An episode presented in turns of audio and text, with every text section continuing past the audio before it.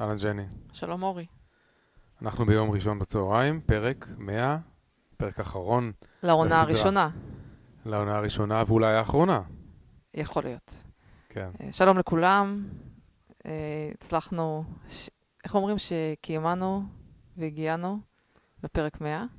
אני רוצה, אורי, לחרוג ממנהגי ולהשמיע לך שיר בתחילת הפרק.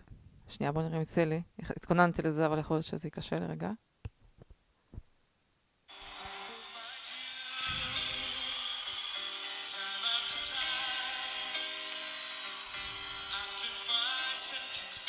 בקיצור, הבנת את השיר. רגע. אז עשינו קצת טעויות, נכון? רק קצת. אבל בכל זאת, הנה דן רוקד פה.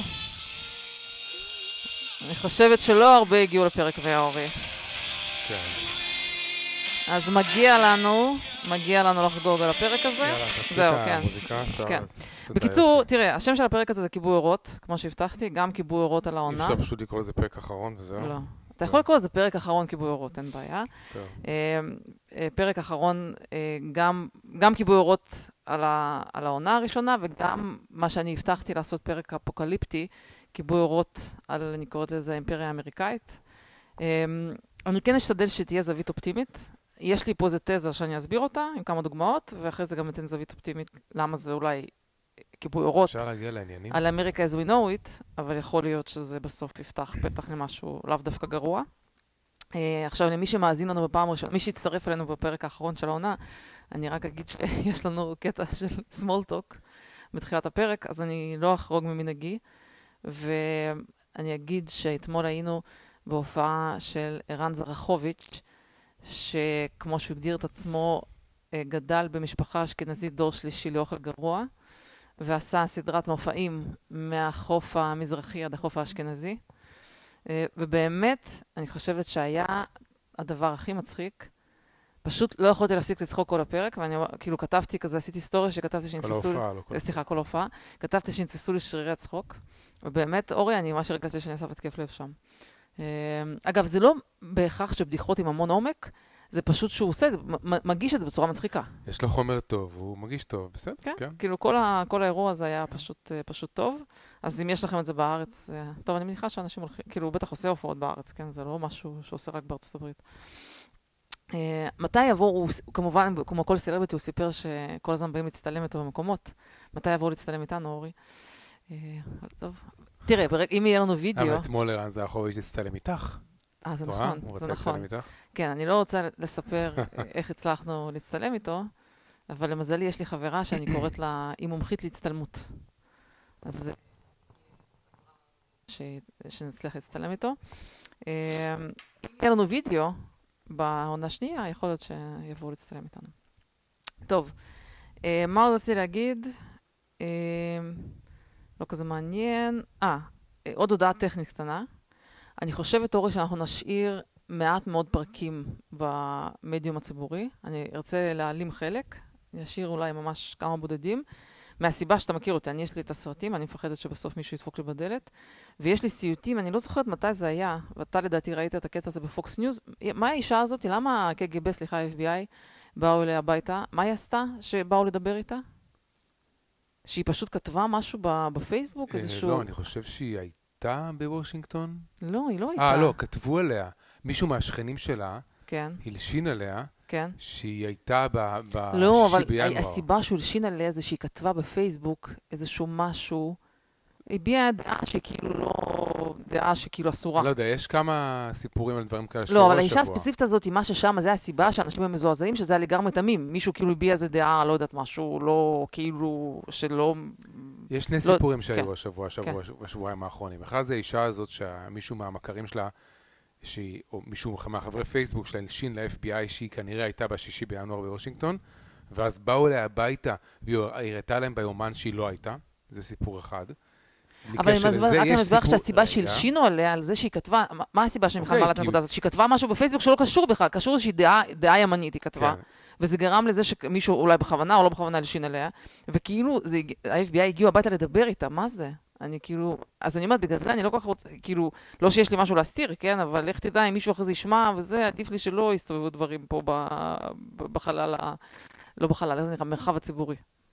זה, זה, זה הקטע שכבר לא צריך להיות במרחב הציבורי, מספיק שתכתבי לי במסנג'ר, או אולי גם בוואטסאפ, אני לא יודע, כי פייסבוק עכשיו אה, גילו שהם אה, העבירו תכתובות פרטיות ב-DMs בין אנשים, וידעו את ה-FBI בזה שיש אנשים שיש להם דעות אה, שהם מסכנות, אה, איך קוראים לזה? מסכנות את הדמוקרטיה. אה, מסכנות, לא יודע, משהו, שכחתי איך קראו לזה, שהם אה, לא, הם, לא, לא, קיצור, לא, לא בעד הממשלה, כן. ואז נתנו לידים ל-FBI לחקור, וה-FBI לקח את זה, אמנם הם לא נתנו ל-FBI את התוכן של השיחות, אבל ה-FBI נתנו ל-FBI את טיפים, הלידים, נתנו טיפים, טיפים. ואז ה-FBI יכול להוציא אה, אה, ספינז כאלה וכן לקבל את התוכן.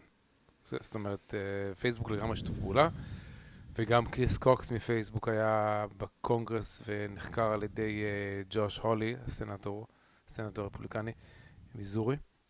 וג'וש הולי גרם לו ממש כאילו פחות או יותר אה, להודות איכשהו בזה שפייסבוק שיתפו פעולה עם הממשלה כדי לעקוף את ה-first amendment. אם את ראית את הוידאו הזה, נכון? כן, אגב, זה כן. ממש לא, רק שתבין שזה ממש אנטי-חוקתי, כן? כאילו, החלק הזה של אה, מוסדות, יש, יש הרבה פעמים טענה, אומרים, טוב, זה מוסד פרטי, מותר לעשות מה שהם רוצים. לא. מוסדות פרטיים לא יכולים לשתף פעולה עם הממשלה, במיוחד שהממשלה גורמת להם לעשות את זה, ב- ול- ולעבור ל-first amendment. תכלס, אני לא מבינה מה קורה. עכשיו, אני גם לא רגע, מצליחה וגם היה להבין... פסיקה השבוע בטקסס, נכון? על בנושא הזה. הבית משפט בטקסס. כן, בדיוק על הנקודה הזאת. אמר, האם... ש... אמר שלרשתות חברתיות אסור לצנזר כרגע אנשים מסיבות פוליטיות. כלומר, זה... סליחה, לא מה שאסור להם, אמר שאין להם את, ה... את השחרור האוטומטי הזה, אין להם את הזכות להחליט לצנזר באופן אוטומטי כמו שהם חשבו שמגיע להם.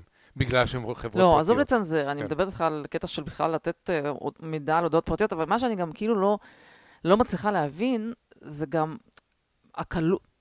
כמה אנשים כבר היום באמריקה, בסוף נפ... הפכו ל...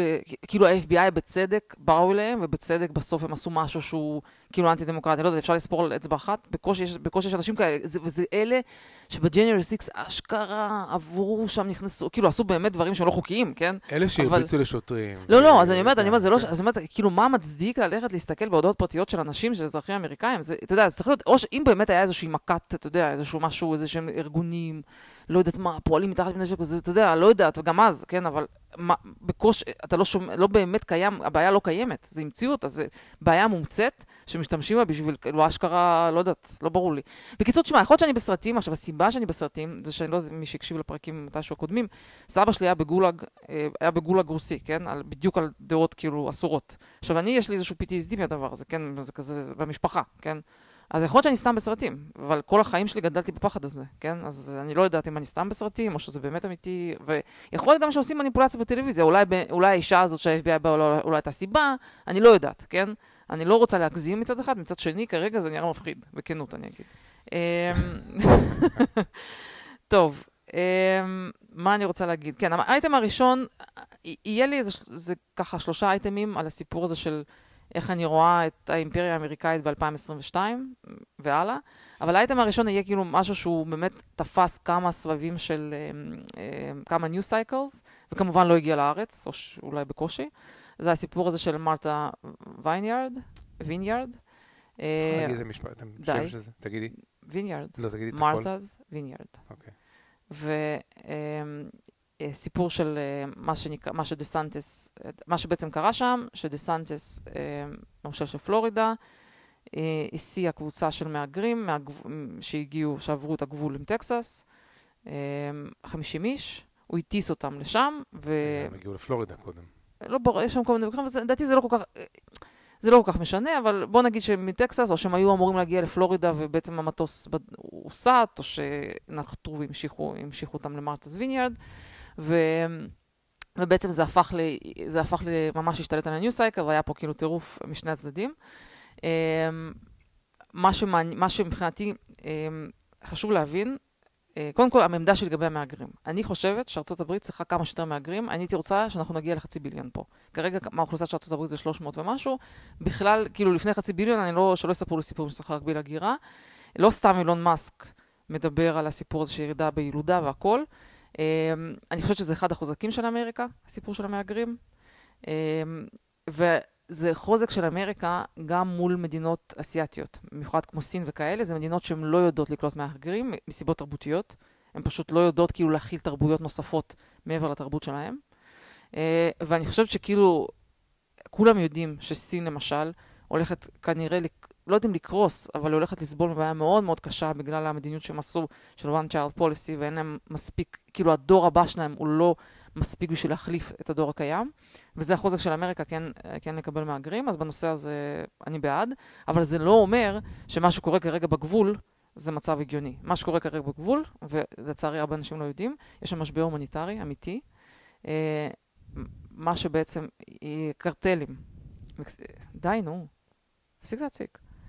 הקרטלים מפעילים שם תעשייה שלמה של Human Trafficking, שכבר מגלגלת לפי ניו יורק טיימס. אני מביאה נתונים של ניו יורק טיימס, מיליארד בשנה. לכל הדבר הזה מתלווה מסחר בסמים, סחר זנות וכל מיני, זאת אומרת, זה ממש, ממש זוועה מה שהולך שם. וגם המהגרים שבאים בהמוניהם וחוצים אה, חוצים אה, לתוך ארה"ב, בעצם בגלל שזה נורא מסוכן, אז טובים שם, כ-700 איש טבעו מתחילת השנה, כולל תינוקות, ואנשים לא מכירים את זה.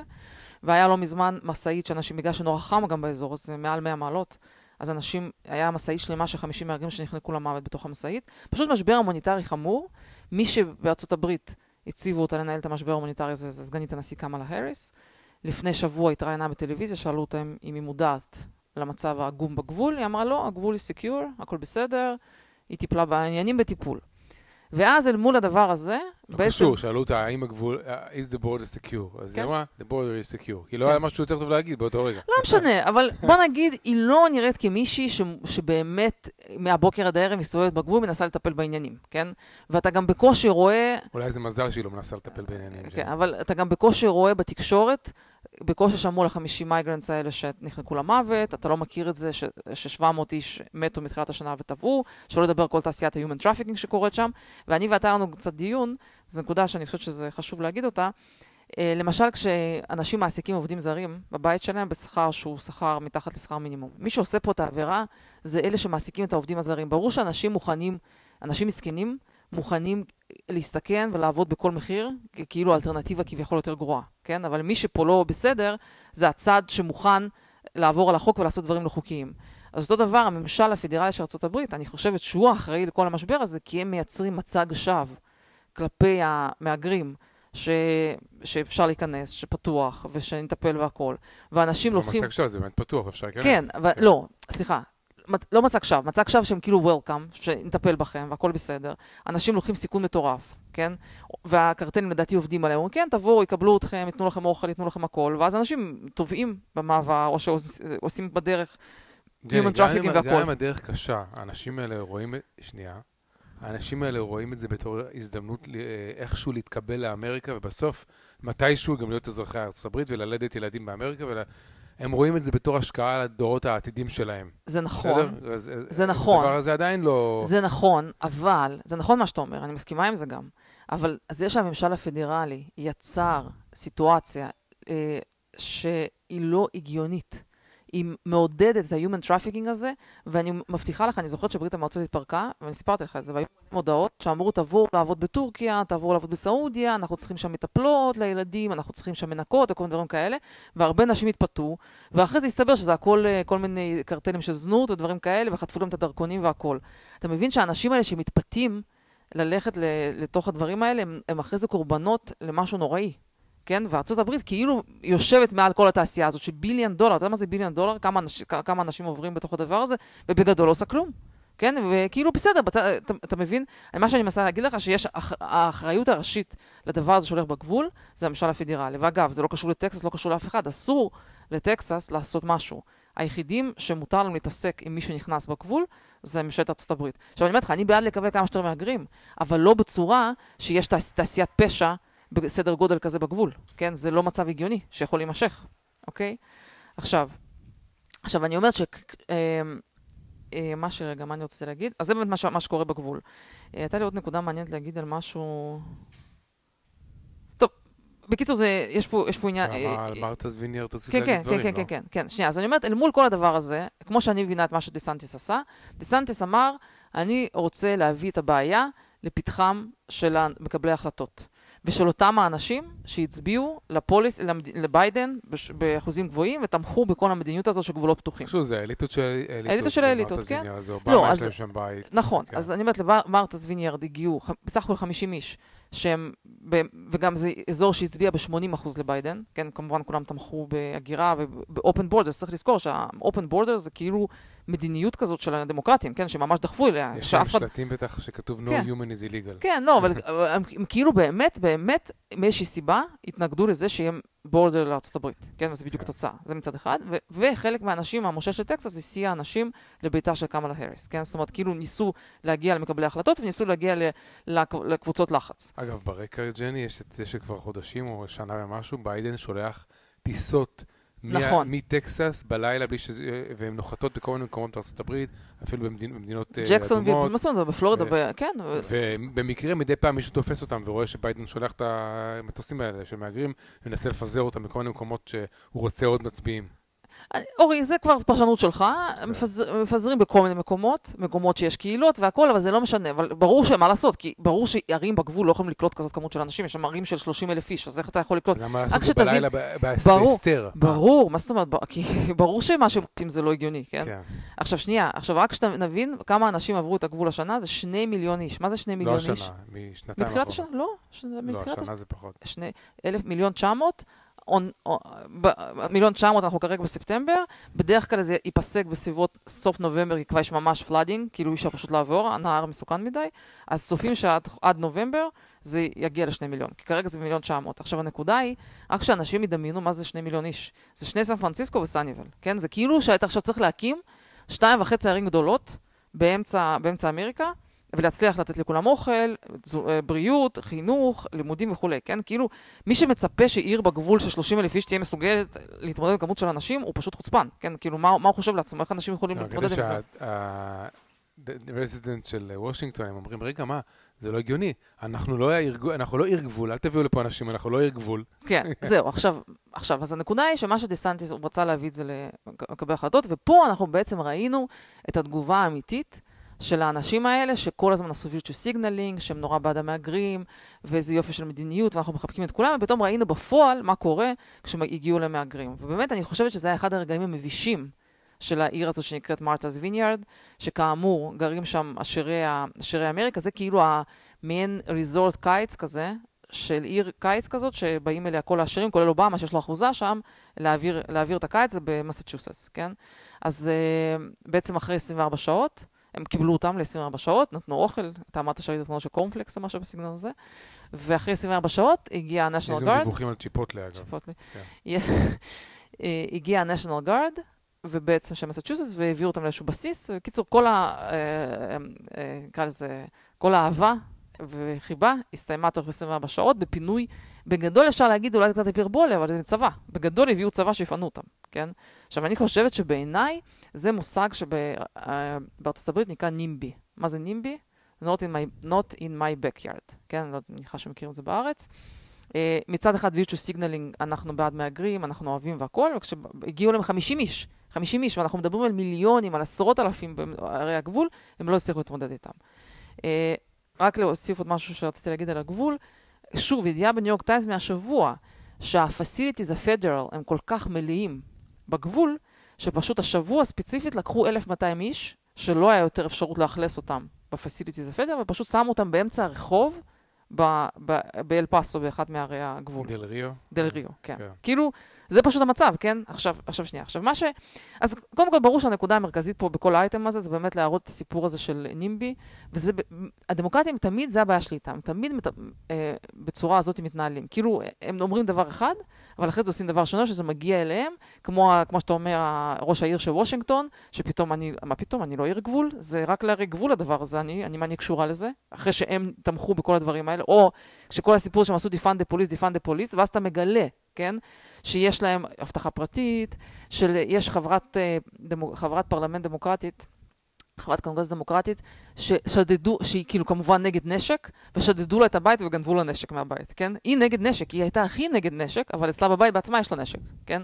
ואתה יודע, כל הצביעות הזאת, מלא פעמים אז היה עם קוביד, כן? הם לסגור בתי ספר ונגד מסכות, ואז תופסים אותם חוגגים במסעדות בלי מסכות, והילדים הולכים לבית ספר פרטי. כל הקונספט הזה הוא פשוט בלתי נסבל בעיניי, כן? זה לא... ועכשיו, ואז אנחנו מאוד נחמדים, אנחנו לא רוצים, אה, מה פתאום למות מקורונה, מה פתאום צריך לשמור על עצמנו, אנחנו רוצים אוהבים מהגרים, אנחנו בעד זה, נגד משטרה וזה, ובפועל הם עצמם לא עושים שום דבר מהדברים האלה, כן? זה בקיצור בלתי נסבל. אבל לדעתי הנקודה שאותי יותר עניינה... יותר... רק להגיד שהצד כן. שלהם, זה אומר ש... אה, דה סנטס משחק בהם כמו חיילים של שחמט, והזיז אנשים, וזה עשה Human Trafficking, שהוא מזיז אנשים מפלורידה למסצ'וסטס, או מטקסס למסצ'וסטס, כן. הוא משחק בהם, וזה התעללות באנשים. כן, אז אני רוצה להתייחס לזה. אני חושבת שבמובן מסוים ברור שיש פה political stunt. הטיעון הזה שהם אמרו הוא לא לגמרי מפגר, כן? אבל כשאתה קורא לקחת מטוס בצורה לגמרי, אתה יודע, safe, ומסודרת והכול, ולהביא אותם לאי כמעט הכי עשיר בעולם, ולקרוא לזה Human Trafficking, כשיש Human Trafficking אמיתי של קרטלים, של אנשים נאנסים ומתים בדרך, כאילו זה פשוט אפילו בושה למושג. כאילו, כאילו איך אתם לא מתביישים? רק בשביל להרו... כאילו למצוא איזה תירוץ ואיזה נקודה, להרוויח נקודה כאילו פוליטית, לקרוא Human Trafficking לזה, כש-Human Trafficking אמיתי אורי, ובאמת, כאילו, זה מזעזע מה שקורה שם בגבול, וכאילו מזה להתעלם. אם אני הייתי מהגר מוונצואלה, והייתי נכנס, והייתי רואה מה קורה בדל ריו, שזרקו שם אנשים ברחוב, ברחוב כן. ואומרים לי, תשמע, אנחנו ניקח אותך לאי של הכי עשירים באמריקה. איפה שאובמה גר. כן. כולם מכירים את אובמה. זה הבית של אובמה שם. למה לא? ברור, כן. מה זאת אומרת, ובמטוס, איפה פה Human Trafficking? זה כזה שקרנות לקרוא לזה Human Trafficking, ושוב, אני... שגם האנשים האלה באמת עברו human trafficking, מזעזע, אני אומרת לך, כולל למות בדרך והכל, ולקרוא לדבר הזה human trafficking. אז זה, ממש עצבן אותי. ודבר שני, כשאומרים שזה political stunt, אבל מה באמת הם רוצים שיעשו? שמישהו ממקבלי ההחלטות ישים לב למה שקורה בגבול, או יעשה עם זה משהו. היו, ה stunt שלו הצליח, הוא באמת עשה משהו שגרם לכל התקשורת, לכולם, לשים לב למה שקורה. עכשיו, אני כן אבל רוצה להגיד נקודה קצת ממקום אחר, ולסיים את, הנקוד, את, את האייטם הזה.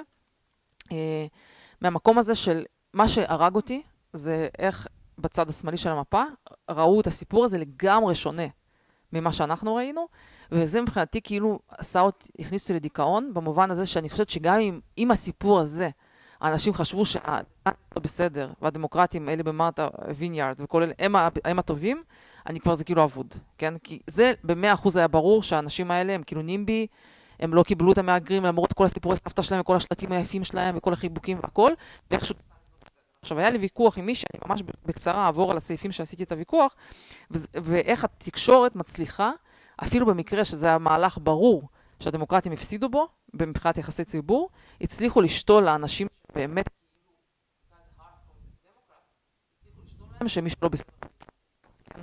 הטענה הראשונה שאנשים הביאו לי, הם אמרו לי, אה, רגע, זה כתוב שם? אה, מי ששלחה לי וידאו ואומרת, איך אמרו שתושבי מרתה ויניארד לא בסדר, ומראים תמונה של חיבוקים שהם... לא תמונה, צולם 24 שעות אחרי שהם אירחו אותם במשך 24 שעות, תמונות של פינוי שלהם עולים לאוטובוסים, והם אומרים להם להתראות. אז הם כאילו מחייכים, יחס טוב. התושבים מאושרים בתמונה הזאת. עוזבים. הם נורא נחמדים, אני גם הייתי יכול להיות נורא נחמד לכל מיני אנשים שיעזבו לי את הרחוב.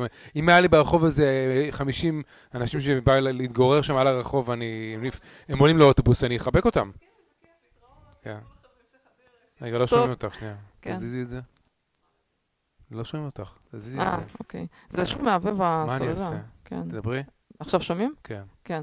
בקיצור, אז כאילו לקחו וידאו, שאנשים אפילו לא מבינים על, על מה הם cheering, כל הכבוד להם שהם אומרים שלום יפה.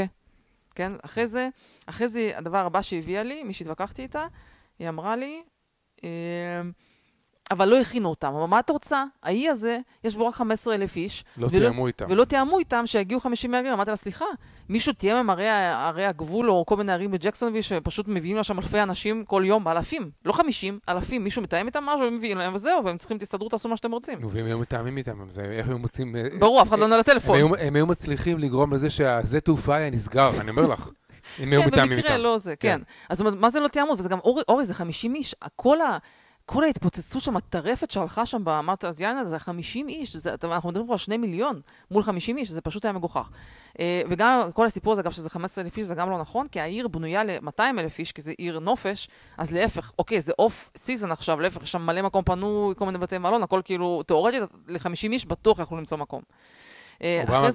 אובמה פספס הזדמנות, הזדמנות חייו להראות, אה, לנצח במשהו, ואם היה מכניס אותם כאילו איכשהו לאיזה אוהל שלו או משהו כזה, כמו שהוא עשה למסיבת יום הולדת שלו, הוא היה יכול לסתום את הפה לכל הרפובליקנים שאומרים שה... כן, אני אמרתי, התגובה כן. שאני ציפיתי מהם, שיגידו, תודה רבה דיסנטיס שכיסית את הטיסות, כאילו, זה אנחנו מקבלים בברכה ואנחנו רוצים להביא עוד 5,000, ברצינות. כאילו, זה התגובה היחידה שהייתה מוציאה אותם טוב. הקטע הזה שהם 24 שעות נתנו להם קורנפלקס, אמרו יאללה ביי, ועוד הביאו צבא, לא תגיד, לא תגיד כאילו, לא יודע, ממש כאילו national guard, זה פשוט לא, לא הגיוני. אז, וגם כל הסיפור של 15 אלף איש, צריך להגיד שערים בגבול זה בערך 20-30 אלף איש, זה לא איזה ערים גדולות, כן? זה כאילו, אנשים חיים בסרט שמה שחושבים שמה שקורה שם. היה גם עוד איזו טענה שהם, כשהם הורידו אותם מהמטוס, הם הלכו ברגל איזה כמה מייל, שלוש מייל. כי כאילו, לא, לא יודעת, לאיזשהו מרכז שם, וזה, עכשיו, אנשים לא מבינים בכלל, כאילו, איזה הליכות, כאילו, מה אנשים עוברים בגבול, כמה, מטר, כמה קילומטרים הם הולכים, כמה מיילים הולכים, ושוחים שם במים מסוכנים. כאילו, אנשים באמת לא בפרופורציה. בחזרה היה להם אוטובוסים, לא צריכים. לא, אנשים כאילו לא בפרופורציה על מה שקורה. אנשים פשוט. כאילו נכנסו להיסטריה מהזה, כשבפועל מה שקורה זה באמת אסון. בקיצור, אה, אני, אני כאילו התבאסתי לראות שכל כך קל. לגרום לאנשים להאמין בנרטיב שהוא באמת נרטיב גם לא ערכי, הוא גם לא אתי. אז כאילו פשוט באמת בגלל שאנשים לא מוכנים שהצד שלהם יפסיד, אה, הם פשוט היו מוכנים כאילו לקנות כל סיפור, כולל את החיבוקים, החיבוקים האלה כשנפרדים מהם, כן? זה פשוט אה, באמת, בעיניי, באמת אחד הרגעים המביכים של המארט הזה, ויניארד הזה, ואני לא חושבת שאני אבוא לבקר את האזור הזה, אה, אחרי שראיתי איזה תושבים חוצפנים יש שם. טוב, ביקשו ממני להגיד משהו חיובי על פייסבוק. אחת המאזינות. אמ, זה מעבר חד, כן? נגמר האייטם על מרטס ויניארד. אמ, קודם כל אני אגיד משהו שלילי. התאמצתי מאוד למצוא משהו חיובי. לא, אני, אני אגיד משהו, כן? אבל אני אגיד משהו שלילי. יצא עכשיו, אמ, אה, יצא עכשיו, הדליפו איזשהו מסמך שבו הראו ש Reels, שפייסבוק סימנו אותם בתור כאילו סוג של הקטר הצמיחה שלהם, ש Reels זה בגדול סוג של copy, העתקה של uh, טיק טוק. אה, די לא מצליח, ה engagement לא טוב, ומבחינת שעות, לא יודעת, שעות צפייה או משהו כזה, זה כלום, זה לא יודעת, עשירית ממה שהולך ב Reels. זאת אומרת, פשוט לא. בטיקטוק, סליחה, כאילו לא, לא מצליחים להרים את זה. אה, אה, עכשיו, אני, גם יש שם, לא יודעת, מי שלא מכיר, יש שם קצת שטויות בתוך פייסבוק. היה איזושהי סוג של מריבה בין מרק לשריל, הרי שריל עוזבת, ועד כדי כך שאפילו לא הזמינו אותה לחתונה שלה, הייתה לך חתונה ומרק, שכל השנים כאילו עבדו ביחד והכל לא הוזמן. זה, אני מה זה רלוונטי, יחסים בין אנשים? לא, אבל אני, אני, זה, החברה לא מצליחה, כאילו, לא ברמה, אה, לא ברמת הכוח אדם, לא ברמת החברה עצמה. תראה, שרי למשל, כן הייתה מועמדת אה, להחליף את מרק או משהו כזה, דיברו עליה. כאילו, הם לא מצליחים להתייצב. אה, ההערכה שלי שמרק לדעתי יעזוב. מה פתאום? זו דעה. זאת אומרת, אתה יודע, הוא ילך לקטע הקלאסי שהוא ילך יושב ראש, והוא ייקח... אה, והוא ישים אה, מישהו בתור מנכ"ל, כן? אה, כי לדעתי, מה שהם, כדי לתקן את עצמם, אה, אוקיי, אני אגיד משהו חיובי. הדבר היחידי, לדעתי, שיכול להציל אותם, זה רק הם נסגרו את טיקטוק בארצות הברית, והם פשוט ייכנסו לחלל הזה, ופשוט אנשים ייכנסו לווירס והכל. כאילו, זה לדעתי, באמת, אובייקטיבית, זה לדעתי הדבר היחיד שיכול לעזור. כן, אגב, האירוניה פה היא שזקרברג הוא זה שהביא את ביידן לשלטון, ואם טראמפ היה בשלטון, היה הרבה יותר סיכוי שטראמפ היה סוגר את טיקטוק. לא, תראה, זה, לא, זה חצי מדויק, אני חושב, זה נכון מה שאתה אומר, אבל אני הזכרתי שטראמפ רצה למכור אותם, את החלק לא, האמריקאי. לא, הוא רצה להכריח את טיקטוק להתפצל לחברה אמריקאית, שהיא נכון, תפעיל את הטיקטוק באמריקה. נכון, אז היו ממשיכים להתחרות בפייסבוק, כן? אז, אה, אז אני לא יודעת להגיד לך במאה אחוז אם באמת זה היה עוזר. אה, אחת הסיבות שאני בעד לסגור את טיקטוק, כי באמת טיקטוק זה כולם מכירים, אנחנו דיברנו על זה בפרק קודם, נכון? שמבחינת גניבת אינפורמציה והכל, ואתה גם סיפרת, היה לך איזה insight מעניין, תשמור אותו לסוף, על הסיפור הזה של טיקטוק, מה שסקוט אדמס אמר. אמ, זה לא insight שלי, זה של סקוט אדמס. כן. כן. אמ, בקיצור...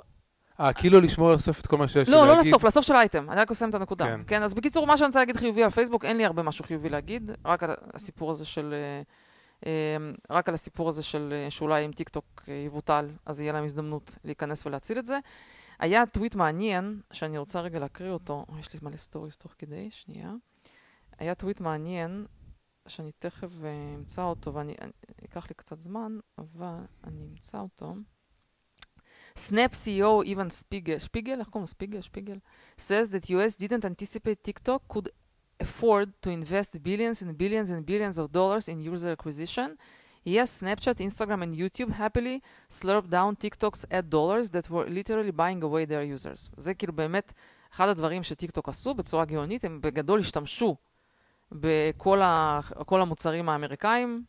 פרסמו את עצמם פרסמו כדי את עצמם. להיכנס לשוק ב- בדיוק. על המתחרים שלהם. על המתחרים שלהם, כן. זאת אומרת, והם לא ציפו, כל מיני חברות שחשבו שזה לא נורא, כי הם אמרו, טוב, כאילו, אנחנו נרוויח מזה יותר, וזה לא יהיה מספיק, הם לא, אין להם מספיק כסף בשביל באמת לקנות את כל היוזרים שלנו. אז יהיה להם קצת, אבל הם לא, לא חששו מזה מספיק. אבל בסוף הם כנראה combined, הצליחו מכולם זה- זה לעשות מה- מספיק. זה מה שטוב בזה, שיש disruption, ש- שעדיין זה עובד, ולא נקלענו למצב של מונופול כזה, ש- שהכל סגור ושום דבר לא ישתנה אף פעם.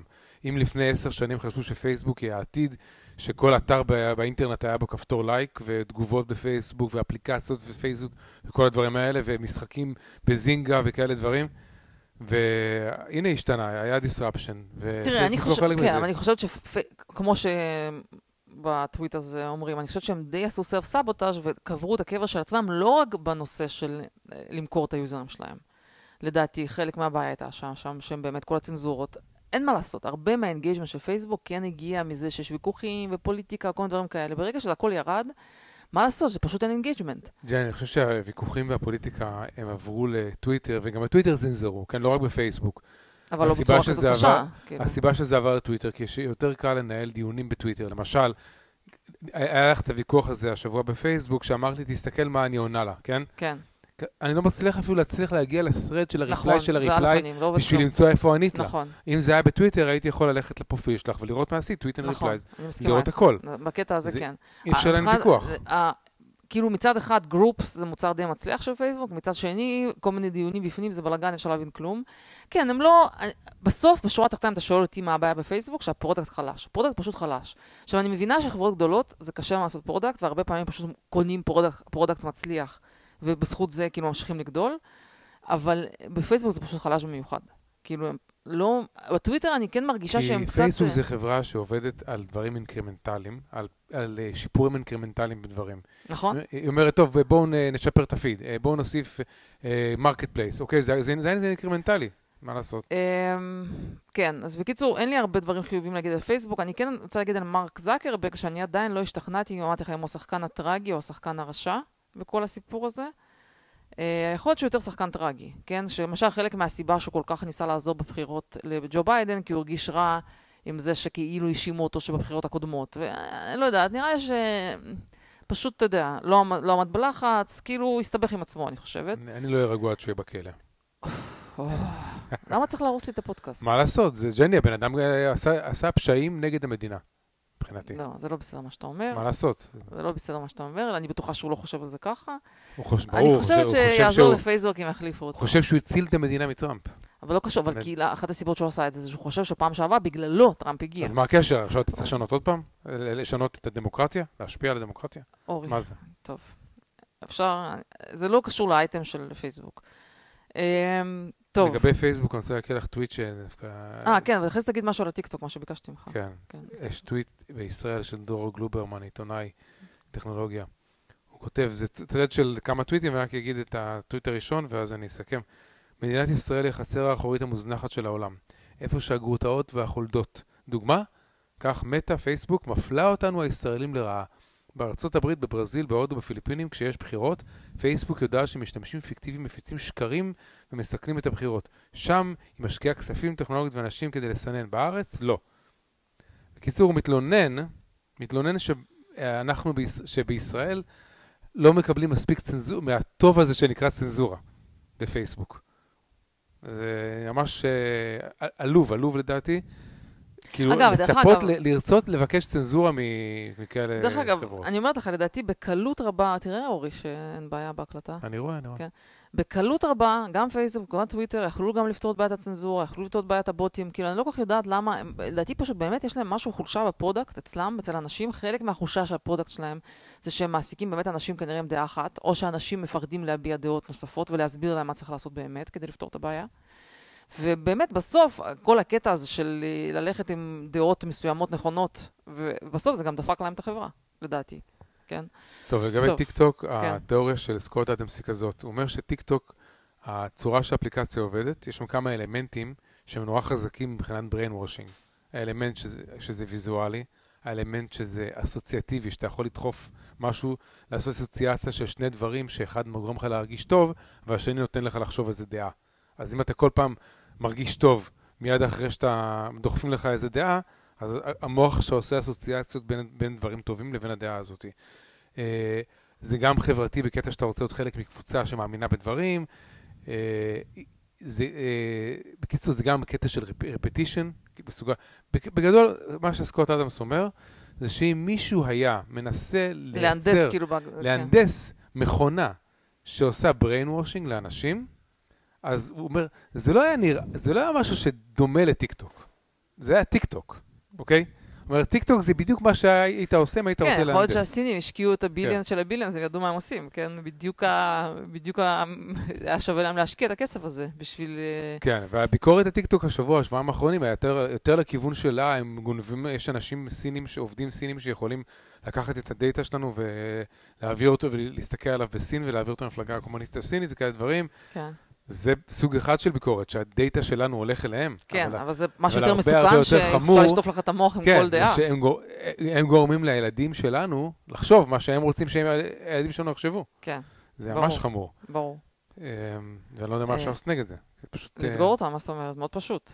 מה לעשות, לפעמים אתה צריך לעשות דברים שהם... אה, את דורשת זה... צנזורה עכשיו? את דורשת... לא, זה לא דורשת צנזורה, זה כלי עוין, מה, לא הבנתי, זה לא אותו דבר, זה כמו שעכשיו מישהו יחדיר לי סוסים טרויאנים לתוך רשת החשמל, סליחה, לא הבנתי. מה, יש פה נקודות שבהן אתה צריך פשוט... אני לא אה, יודע, אני, אני, זה אורי. שאלה קשה.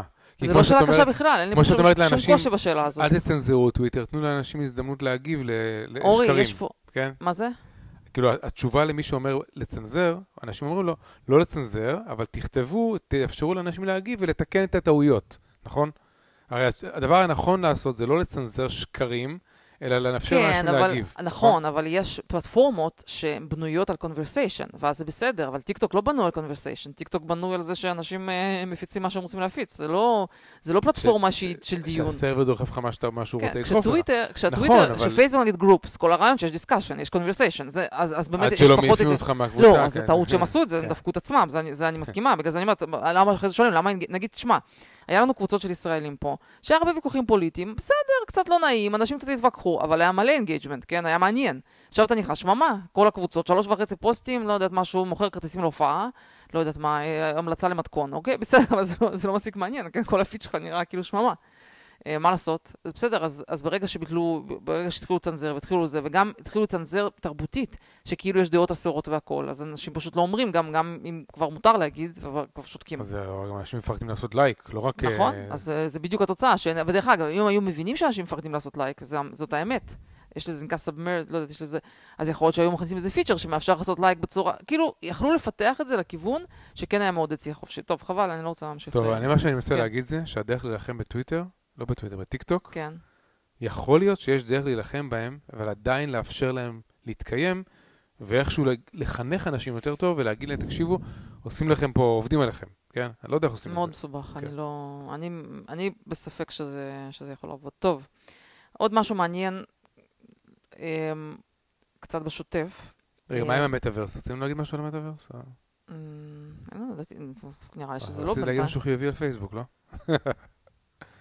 לא, אין לי, אין לי משהו מעניין. כאילו, מה זה מה להגיד משהו חיובי על מטאוורס? לא, אין לי משהו חיובי להגיד על מטאוורס. גם, יש כל מיני מוצרים שיכולו לעשות, אבל אני מרגישה שיש לנו חולשה ב product. תשמע, זה לא דבר פשוט שחברה כמו פייסבוק תוביל מוצר חדש, מוצר חדש כמו מטאוורס, כן? זה לא כמו בוא נקנה את אינסטגרם ונעזור לזה to grow.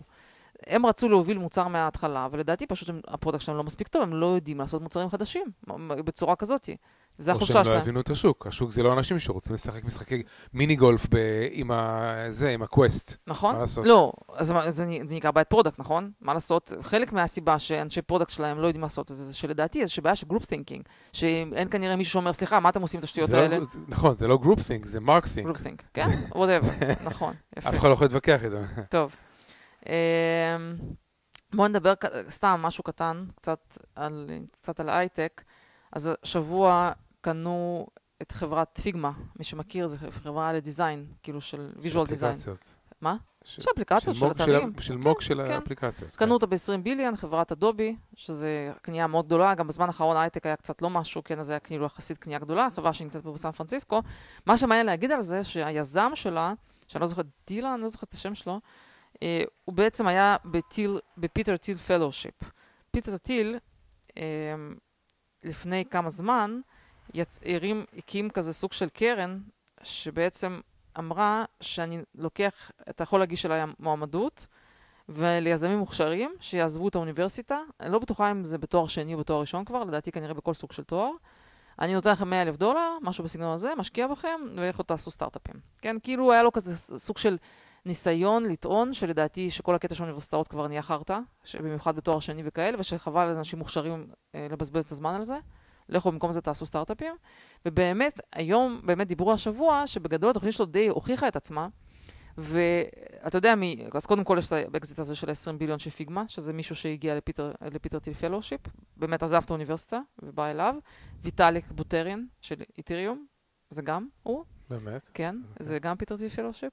עוד מישהו? בקיצור, נתנו כאן כמה דוגמאות ואמרו, שבעצם המוסר השכל, שזה מה שמעניין, שפיטר טיל fellowship יצר יותר כסף מבוגרי כל ההרווארד, כאילו אמרו שמול זה אתה שם את כל הבוגרים של האוניברסיטאות היוקרתיות, שהוא כביכול מהם שתה את, ה, שתה את ה talent, והם הצליחו פחות.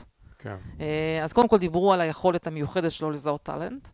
אני מניחה שגם הרבה מזה קשור שבן אדם שהוא, אתה יודע, הוא חבר של אילון מאסק, הוא מישהו כאילו מאוד מוכר, כן? וגם כמובן מאוד עשיר. אני מניחה שגם יש לו הרבה יכולת לעזור ל fellows שלו, כאילו מי שמגיע גם להצליח, כן? אבל כמו, זה שילוב, כן? בסדר, הוא חושב מאוד צלול, הוא מאוד... כן. אה, כן. אה, פיטר טיל, אם אתם יודעים, אם אתם זוכרים, כתב את הספר, אני חושב שדיברנו על זה באחד הפרקים. מ-Zero to One, והוא יחסית רפובליקני, בזמנו תמך בטראמפ, עכשיו אני חושב שהוא קצת יצא מטראמפ, עבר לדיסנטיס, אה, אבל הוא כאילו לא אוהבים אותו בגלל שהוא נהיה רפובליקן, בעצם כזה סוג ש... והוא גם נאלץ, הוא עבר מהאזור הזה לדעתי, נכון? הוא כבר יצא, הוא כבר לא גר בקליפורניה, כי הוא כאילו נחשב לא, נחשב לא נכון. הוא לא, לא בנכונים, לא בנכונים והמתקדמים. אה, זה מעניין. אבל אה, זה אולי באמת, האייטם הזה מעביר אותי, ל- כאילו התזה היותר גדולה שלי, על בעצם, לא יודעת, דעיכתה של האימפריה האמריקאית, והדוגמה הזאת שבאמת, שמוסדות, אה, כמוס, מוס, שבעצם הגענו למצב ש, שהמוסדות האליטיסטיים, לא יודעת, או האליטה, כן, שזה כל האוניברסיטאות היוקרתיות, כאילו שבעצם יש fellowship ואומרת, אל תבזבזו את הזמן שלכם שם, כי זה הכל חרטא, מתעסקים שם. זה לא בעיה לקחת את ה top 1% של ה-1% ולשתות אותם מהאוניברסיטאות האלה ושהם יצליחו אורי, אצל- יצליחו יותר. זה אז נכון, אם אתה מזהה אבל- אותם, אז... שנייה, זה, אז זה, זה לא חוכמה, רק, רק כן. אני רק רוצה שיהיה כן. מעבר, אני לא פשוט לא רוצה. זה, אבל אני, זה לא נכון, אני רק רוצה לחדד, אבל שפיטר טיל זה היה לו תזה.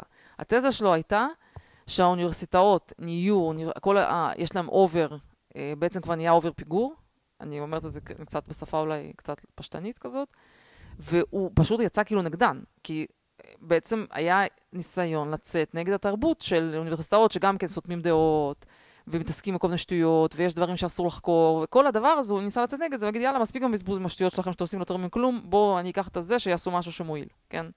אז, אה, אז כאילו, נראה לי נקודה מעניינת.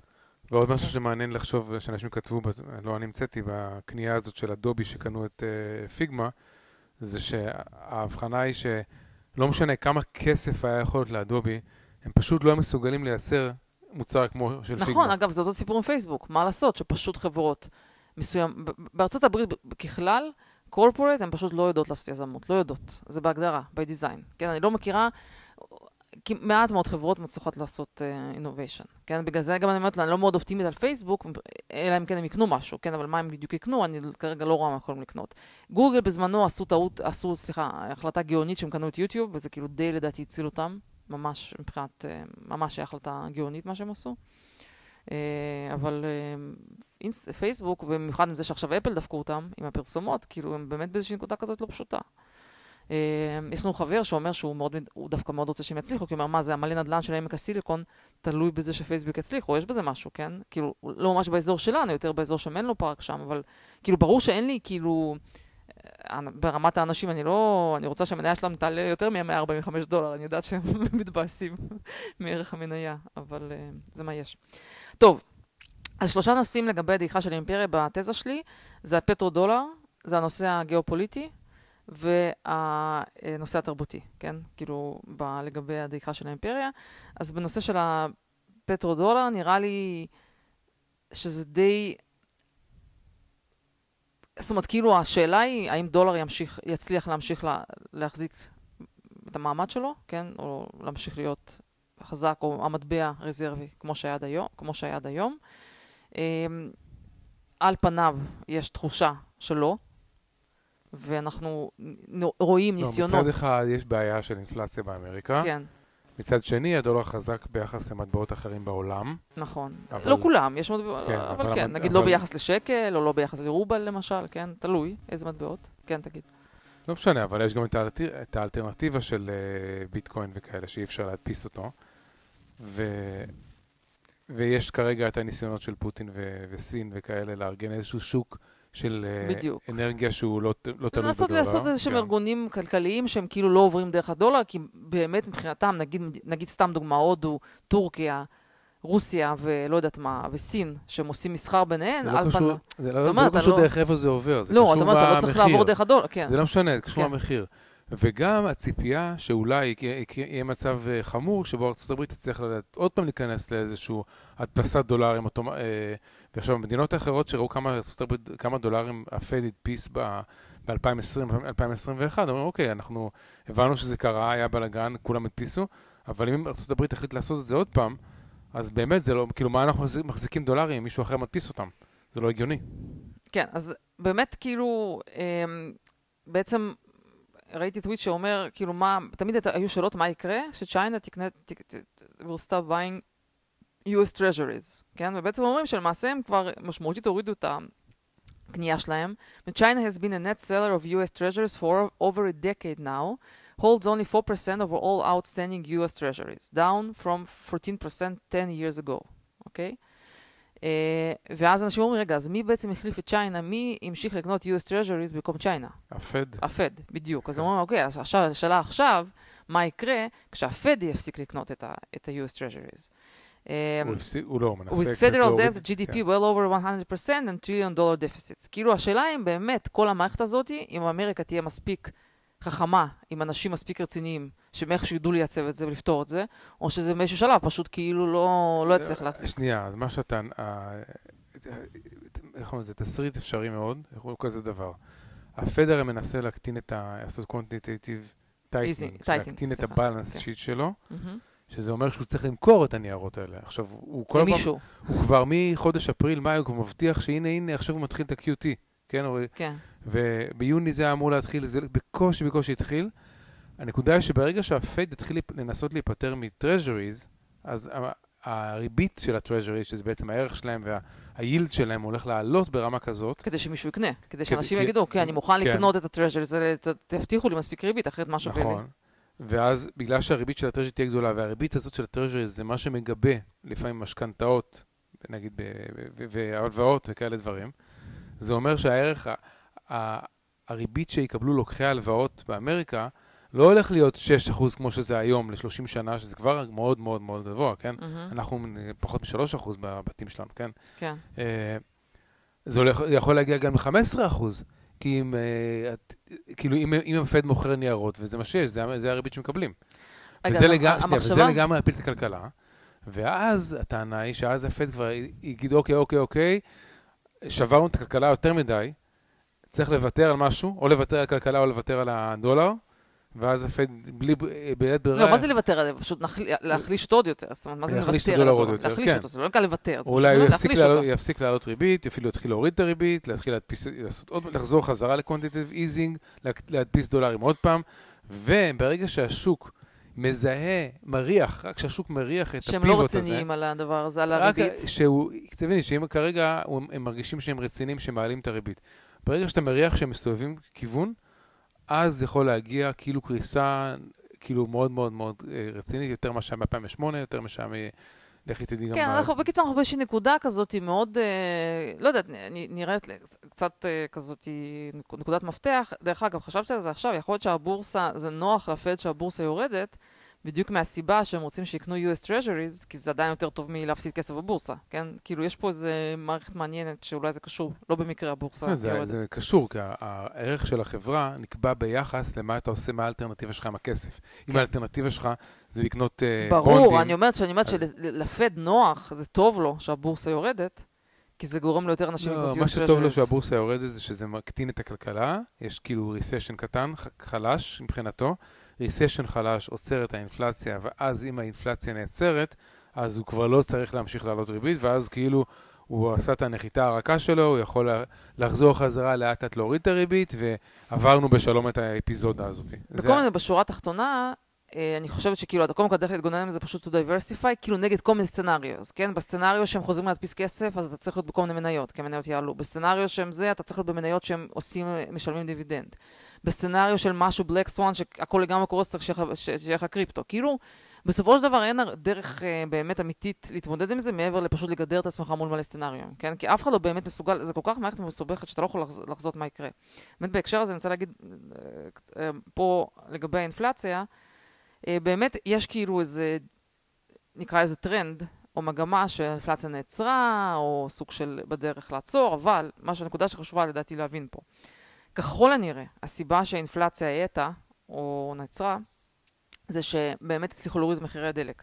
בזמנו דיברנו שבעצם זה מאוד מניע את הכלכלה האמריקאית במיוחד, בגלל שכל ההובלות וכל הדברים, ש... כאילו כל הכלכלה מאוד מאוד עובדת על סיפור של, אה, סיפור של הדלק. אה, מעבר לזה שאנשים נוסעים מכוניות שלהם, גם, גם אני מזמינה מוצר מאמזון, זה בסוף מביאים את זה במשאית, כן? זה גם עניין של עלויות שילוח. אה, וכל דבר ככה.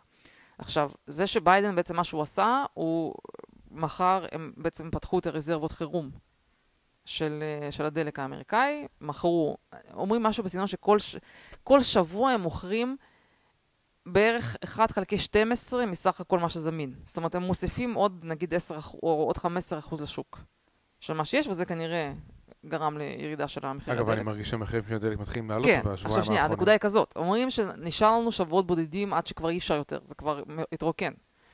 ואז באמת הנקודה פה היא נקודה מאוד מעניינת, שברגע ש... אז למה אני חושבת ש... כאילו, למה הבעיה עדיין קשה? כי זה שאתה רוקנת את uh, מלאי החירום שלך, וזה נגיד הצער קצת הוריד את המחירים, אבל בוא נגיד האינפלציה לא, כאילו עדיין המצב לא נראה טוב, זה לא שהייתה קריסה, ציפו שהאינפלציה תרד הרבה יותר. המחירים של האוכל ושל הדברים האחרים כן עלו, והדלק ירד, כן, אז זה איזן. אז נכון, זה, לא, אבל אומרים שציפו שירד יותר. כאילו, כשאתה עושה, הם עשו מהלך יחסית דרסטי, כנראה שהלכו באמת... אני לא יודע ניסו... כמה זה קשור למאגרים, אבל בסדר, אוקיי. תיאוריה. אני אגיד לך מה, נגיד זה שפדקס השבוע הודיעו... הנקודה, רק נקודה קטנה. הנקודה היא כזאתי, שזה שזה לא מספיק עזר, זה נורת אזהרה, כן? כי כביכול, אם עוד שבועיים, שלושה, הם כבר לא יוכלו יותר להזרים דלק, להוזיל, להמשיך להוזיל את הדלק, אז כאילו זה יכול לחזור בצורה חמורה. יש גם את האלמנט של ה demand, אם באמת יש recession, אם באמת יש, ויש, והצמיחה היא הייתה שלילית בשני רבעונים הקודמים, ועכשיו גם ה Atlanta Fed מוריד לאט לאט את התחזית של הצמיחה של Q3, כן?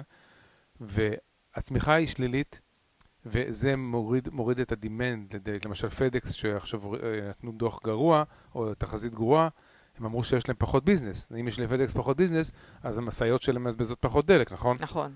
אז כאילו יכול להיות שהדימנד גם יורד, נכון. וזה, יכול להיות שהם יחלצו מהבעיה הזאת של עליית מחירי הדלק.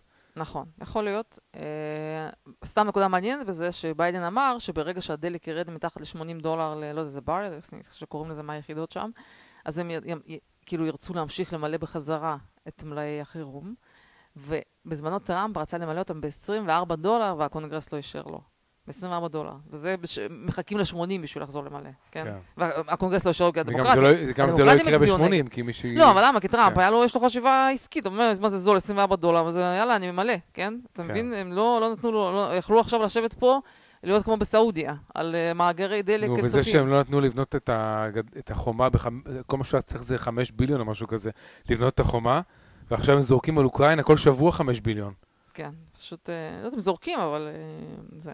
טוב, אז אני אומרת, אז בקטע של דעיכה של אימפריה, כמובן, נקודה משמעותית זה נושא של הפטרו-דולר, ובכלל הדולר כמטבע אה, חזק, או כמטבע שהוא מטבע אה, רזרבי וכולי, לדעתי לגמרי מעמד לא ברור, ו, וגם פנימית בארצות הברית, לדעתי מצב לא, לא ברור, אבל בעיקר שנראה שהמדינות, יש גושים, שמסוגלים כבר להתחרות במערב ולהצליח לנסות לקיים אצלם איזושהי כלכלה שהיא לא בהכרח תלויה בדולר. כן, זה כאילו נראה לי הנקודה אולי היותר מעניינת והשאלה היותר מעניינת. אגב, זה, זה שהדולר לא מטבע רזרבי זה לא בהכרח אומר שארה"ב כאילו קורסת, אבל כאימפריה כן, כי חלק מההשפעה האימפריאלית שלה, או ההשפעה העולמית שלה כן קשורה לדולר, אין מה לעשות, כן? אם הדולר פחות, פחות משמעותי, אז גם חלק מההשפעה הולכת, זה עדיין יכול להיות מדינה מאוד עשירה, מאוד מצליחה.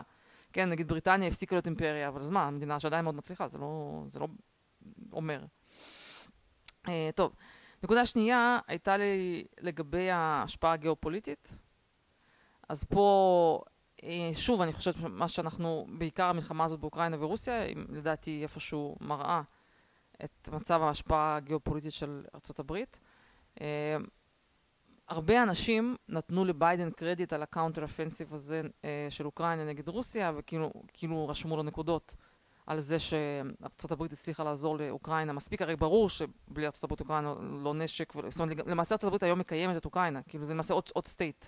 הייתי, הייתי, סופ... הייתי אומרת זה עוד state של ארה"ב במובן כספי. וגם השתלטה פחות או יותר על, ה... על החיטה. לא משנה, כן, כן. אבל לצורך העניין, זה שזה, ש...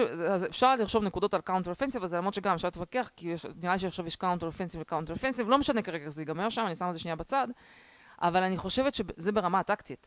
אבל תסתכל רגע מה קרה ברמה האסטרטגית. השבוע היה פתאום...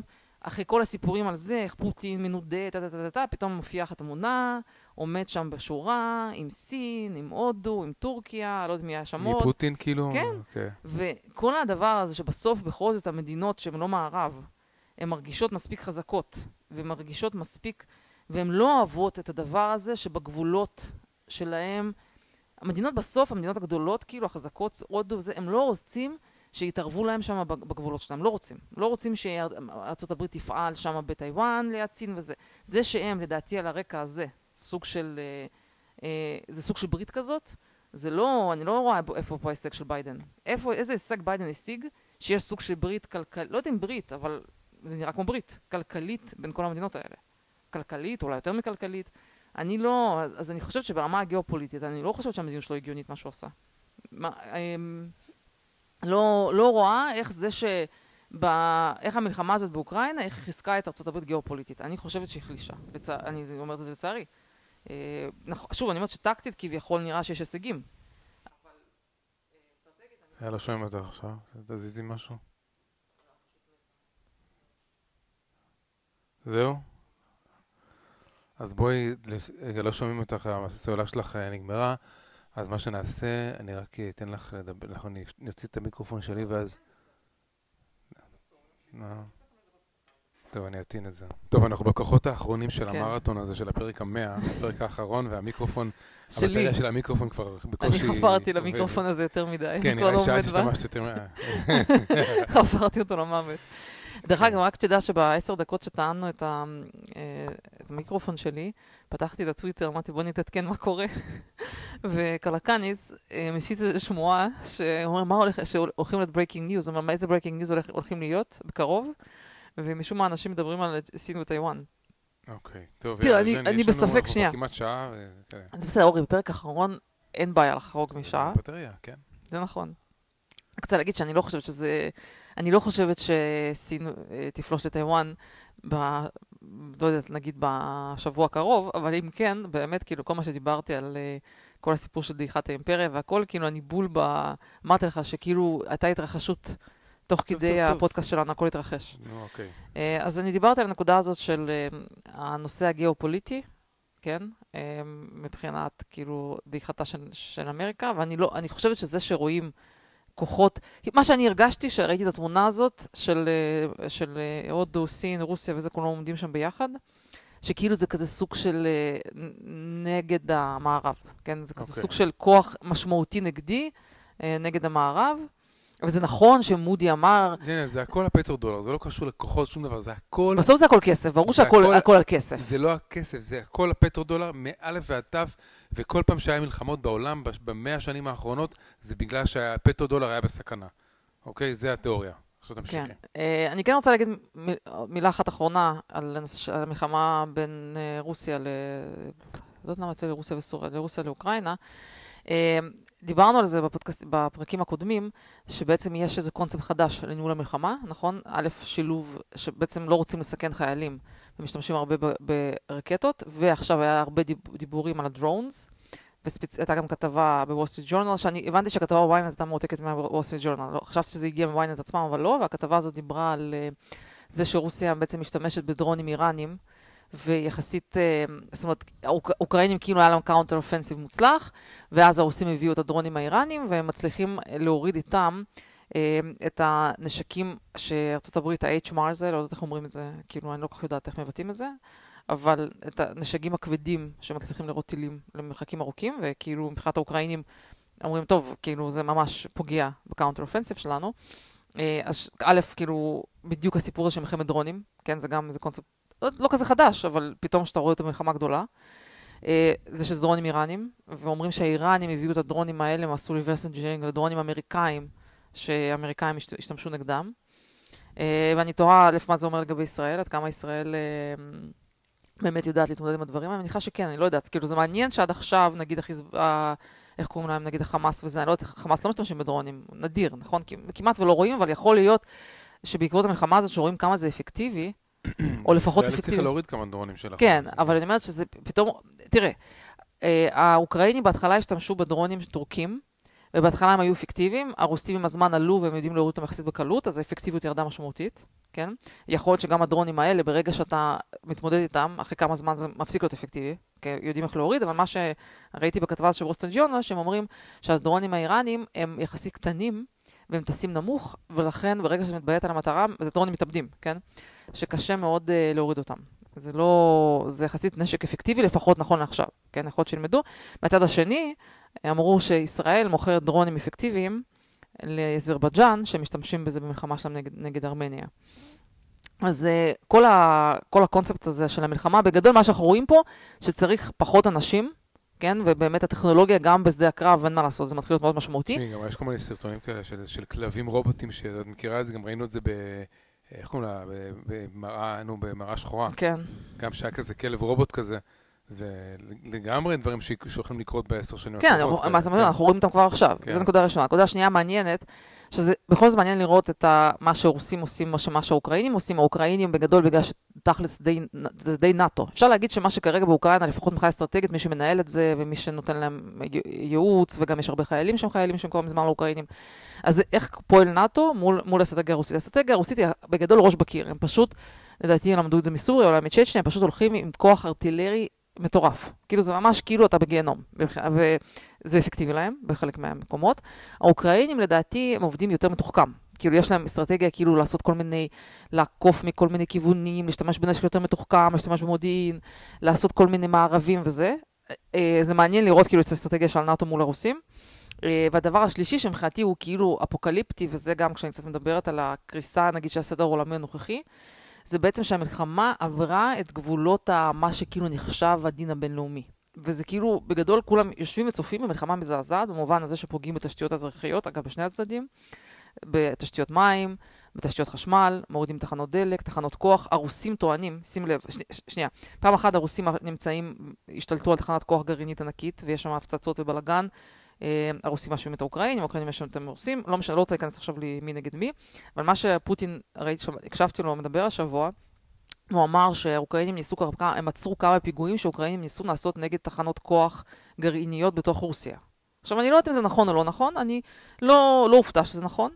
והשאלה שאני שואלת לעצמי, האם האמריקאים יודעים שהאוקראינים עושים את זה? האם הם, האם הם עוזרים לתכנן את זה? וכאילו מי זה הבן אדם הלא שפוי שהולך על החבל הדק הזה של לעשות פיגוע בתחנת כוח גרעינית. כאילו, מה, מי חושב שזה דבר, כאילו, לאיזה רמות כאילו של התבלבלות צריך להגיע שאתה לא עוצר עכשיו, כן? כי כל העולם, כן? זה ברור שזה משחקים באש כזאת שזה לא נתפס. אמ, כן, יש גם של מלחמת עולם, כן?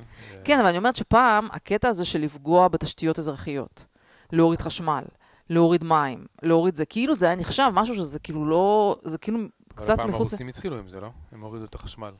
אה, טוב, אוקיי, הם גם עשו את זה הרבה פעמים, כן? כאילו, באופן, אני, מה שאני רואה, באופן הדדי, לא, מה שאני רואה שבאופן הדדי הם עושים את זה אחד לשני. כאילו זה מה שאני רואה את זה משני הצדדים. גם מורידים חשמל גם בתוך רוסיה. זאת אומרת שאם בתוך מורידים. אה, כור גרעיני זה משהו אחר, מסתם להוריד תחנת חשמל לא, אחרת. שנייה, אני? אומרת ככה, להוריד תחנת חשמל ולפגוע בזה, זה פגיעה, מה שכאילו כאילו כביכול נחשב לא הגיוני, זה לפגוע בתשתיות אזרחיות. כי אתה כאילו לא עושה מלחמה, המלחמה אמורה להיות נגד מתקנים צבאיים. להוריד חשמל לעיר, אתה מבין, זה סתם לפגוע באוכלוסייה.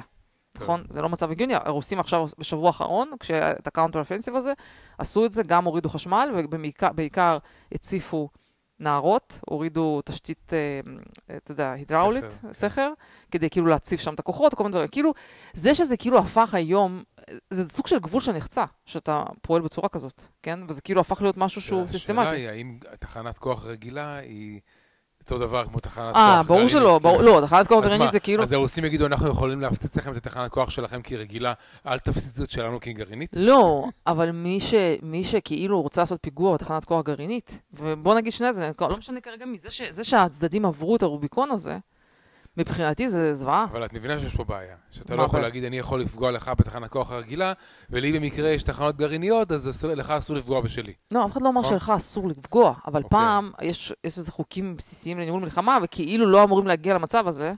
וזה, ולצ... כאילו, אני אומרת שזה שכאילו עברו את הרוביקון הזה, וכאילו כולם יושבים מסתכלים, ומסתכלים לאסון, לאסון שיקרה, ובסוף הוא כנראה יקרה, כן? וכאילו, מה חושבים, בסדר? כי כאילו אף צד לא מוכן לוותר ולהתייאש. דבר אחרון, כשאני, אז אני דיברתי על הנושא, הנושא של הפטרודולר, הנושא הזה של הגיאופוליטי, והנושא התרבותי. כאילו, למה אני חושבת שאמריקה בדעיכה? זה בעיקר סביב הנושא התרבותי, אה, או נקרא לזה סביב הנושא הערכי. אה, והסיפור הוא, אני חושבת, אה, אני כאילו, לא היה לי כוח לבדוק את זה, באיזה שנה היה משפט דרייפוס?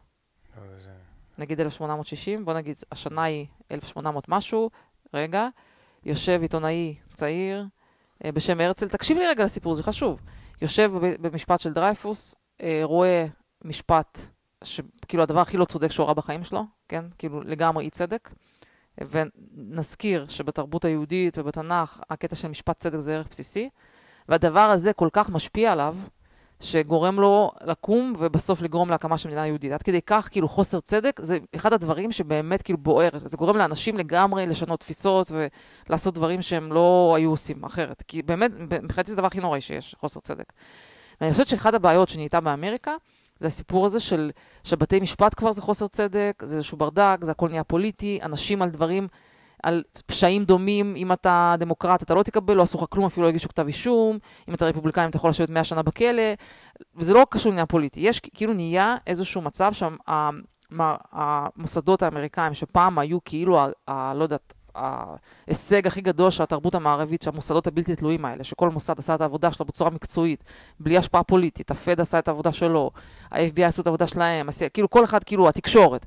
זה שכל המוסדות, החל מבתי משפט ועד לתקשורת, בעצם נהיו מוסדות שהם biased, וכבר אי אפשר באמת להאמין ולסמוך על מה שהם עושים, זה מבחינתי כאילו הקריסה של ה... זה כאילו מבחינתי הקריסה של האימפריה, או הדעיכה. כן, זה הדבר הכי עצוב מבחינתי. טוב. וזה, אני לא יודעת אם אפשר להתאושש מזה. לא יודעת, חוץ מממש לעשות רפורמה. אגב, ה-CDC, כאילו, כאילו, למעשה אנחנו בעצם ראינו שאין מוסד אחד שאתה יכול לסמוך עליו. שאתה יכול להגיד, אני יודע שאני אבוא ואני אקבל משפט צודק, אה, יעשו דברים שהם באמת דברים שהם עשו עבודה מקצועית, ולא כל מיני דברים זרים של פוליטיקה וכאלה דברים.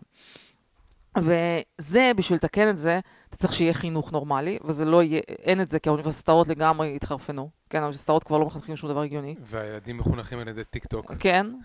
אז אנשים באמת לא מבינים את הבסיס, את היסודות הבסיסיים של המדינה הזאת. כאילו, פשוט כבר לא מבינים על מה הדבר הזה הוקם.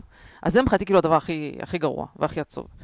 עכשיו, אני אמרתי שאני גם אתן זווית אופטימית בסוף, כן? עכשיו, הזווית האופטימית שלי באה ממקום הזה, שכאילו הרבה פעמים אתה חושב שהדברים יתגלגלו בצורה מסוימת, יש לך תסריט בראש, כן? ואתה רואה שהכל הכל קורה, ואתה לא לוקח בחשבון שיש עוד איזה משהו, עוד רכבת שדוהרת במקביל, ואתה בכלל לא רואה אותה, ואז בסוף היא משנה את כל התמונה, כן? עכשיו, לדעתי, הרכבת הזאת שדוהרת, אתה עכשיו תעשה לי גלגול עיניים. בכלל, אין כזה פודקאסט שאורי לא עושה גלגול עיניים, הוא כבר עושה גלגול עיניים פריאמפטיבלי. אז, אז הרכבת הזאת שדוהרת, זה לדעתי רכבת ה-AI. עכשיו אני אסביר רגע למה, מה אני חושבת לגבי הסיפור של AI. עכשיו, הזווית האופטימית במובן הזה שלדעתי קורים פה דברים שאנחנו לא עד הסוף צופים אותם. אז הייתה תקופה ארוכה שבעולם ההייטק אמרו AI, זה כבר נהיה Buzzword, כל אחד שעושה זכר אתה אומר שזה עם AI והכל, ונראה לי שהטכנולוגיה הגיעה עכשיו לאיזה נקודה, שבאמת, ה-AI הוא כבר באמת, הוא כאילו applicable כמעט לכל תחום, ואין לי כוח לחפש את הטוויט הזה, אבל פול גרם אמר שבניגוד למה שהיה בעבר היום, כמעט כל תחום יכול לשפר את עצמו ולעשות עבודה יותר פשוטה, יותר טובה באמצעות AI.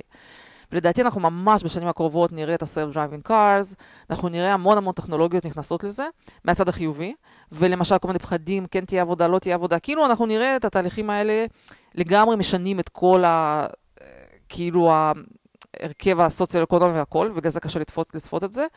אבל הדבר היותר מעניין, מה שאנחנו רואים עכשיו, שלא יודע אם צריך לראות את כל הוידאוים המפחידים האלה, שבגדול אתה רואה אנשים כאילו כל מיני בוטים כאלה שמד... שנראים כבר כמעט אמיתיים, נכון? סקוט אדמס הצטרף לאיזה ניסוי, נכון? וכאילו טוב. זה מדבר, כאילו שזה הוא. טוב. כאילו מה שאני מנסה להגיד, שלדעתי כל ה... כל ה... זה כל כך unpredictable, מה שזה הולך לעשות לעולם, גם בתקשורת, גם כאילו איך ש... קיצור, אני פשוט חושבת ש... שכל מה שאנחנו צופים עכשיו, זה הכל הולך להיות uh, דרמטית שונה, בגלל שיש איזה, יש פה איזה משהו שאנחנו לא באמת רואים עד הסוף. וכאילו ה... ה... מה שיעשה את ההבדל זה איך שהיה יהיה. אז זה כאילו רק הנקודה היחידה יכולה להגיד בתור חיובית, או בתור משהו שלא באמת אפשר to predict. Uh, תגיד, אתה רוצה לסיום לעשות לא, קצת... רציתי לדבר על האדם מוכתר והסיפור שלהם כן, בדירה. כן, אוקיי. שכולם מכירים את הסיפור הזה בישראל, כן. שהיא לא, הקימה מפלגה של צעירים בוערים, שהיא הרבה מאוד מתלוננת על זה שצעירים לא יכולים לקנות דירה במדינה הזאת, אה, והתברר השבוע, נחשף על ידי הצל איזשהו חוזה של דירה שהיא קנתה בחיפה, דירה של איזה 50 ומשהו מטר. כן. וכנראה שמה, שהמצב הוא, וזו דירה שאבא שלה קנה כאילו והיא רשמה על שמה, וכנראה שהיא... היא בעצם אומרת, מה אתם רוצים? זה לא באמת דירה שלי, זה דירה של, של אבא שלי, זה, זה הפנסיה שלו, כן? כי בעצם מה שקרה כנראה, שהוא קנה דירה להשקעה. כמו שכולם שזה, עושים. בגלל שזו לא דירה ראשונה שלו. שלא שלם מיסים. אז. אז הוא רשם את זה על השם של הילדים, כי אז הוא, אתה, יש לך פטור ממס רכישה וכמה דברים. שאוקיי, וזה נרשם על שמה, ו... אם אתה קונה דירה מהכסף שלך ואתה מצפה להרוויח מהשכירות, אז בעצם זה המטרה שלך, זה ההכנסה הפסיבית שלך, אוקיי? בן אדם עבד כל החיים, מבחינתו, הדירה הזאת זה הכנסה פסיבית שלו. אני מבין למה הבן אדם הזה רוצה לקבל uh, שכירות. עכשיו, עדיין לא ברור בכלל אם זה, אם זה לא חוקי, אם מה שהוא עשה לא חוקי. כלומר, אם עדיין הדירה על שמה, ובוא נניח רגע שדמי השכירות, כן? נניח שדמי השכירות עוברים, צריכים, לעבור אליה, כי היא בעלת הדירה, והיא צריכה להעביר את הכסף הזה לאבא שלה. אני אומר, עדיין לא נעשתה פה שום עבירה נגד המס, חוץ, כאילו זה שהיא אומרת, מה, זה לא באמת דירה שלי, אבל זה רשומה על שמה, כל התקשורת שעלתה עליה פתאום, כאילו פתאום uh, תופסים אותה, תפסנו אותך בשקר, אמרת שאין לך דירה, אבל יש לך דירה, הנה רשום, הנה החוזה. והיא אומרת, אין לי דירה, זה רק של אבא שלי, ואני אומר, אה, את מנסה לעבוד עם הכנסה.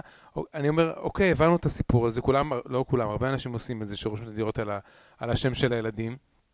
ומה לעשות שזה החוקים של המדינה. ברור שהנקודה המהותית פה, שבלי אה, עזרה של ההורים, או בלי שאתה כן. יורש דירה, כמו שאתמול זרחוביץ' בהופעה שלו, אמר שהוא כאילו, שהוא מחכה, בגדול מחכה שאבא שלו ימות, כאילו, בצורה מצחיקה. אני עכשיו עושה פרפרזה לזה, כן. כדי שיהיה לו דירה. את לא מצחיקה כן. כמוהו, ג'ני. לא, אני לא. כן.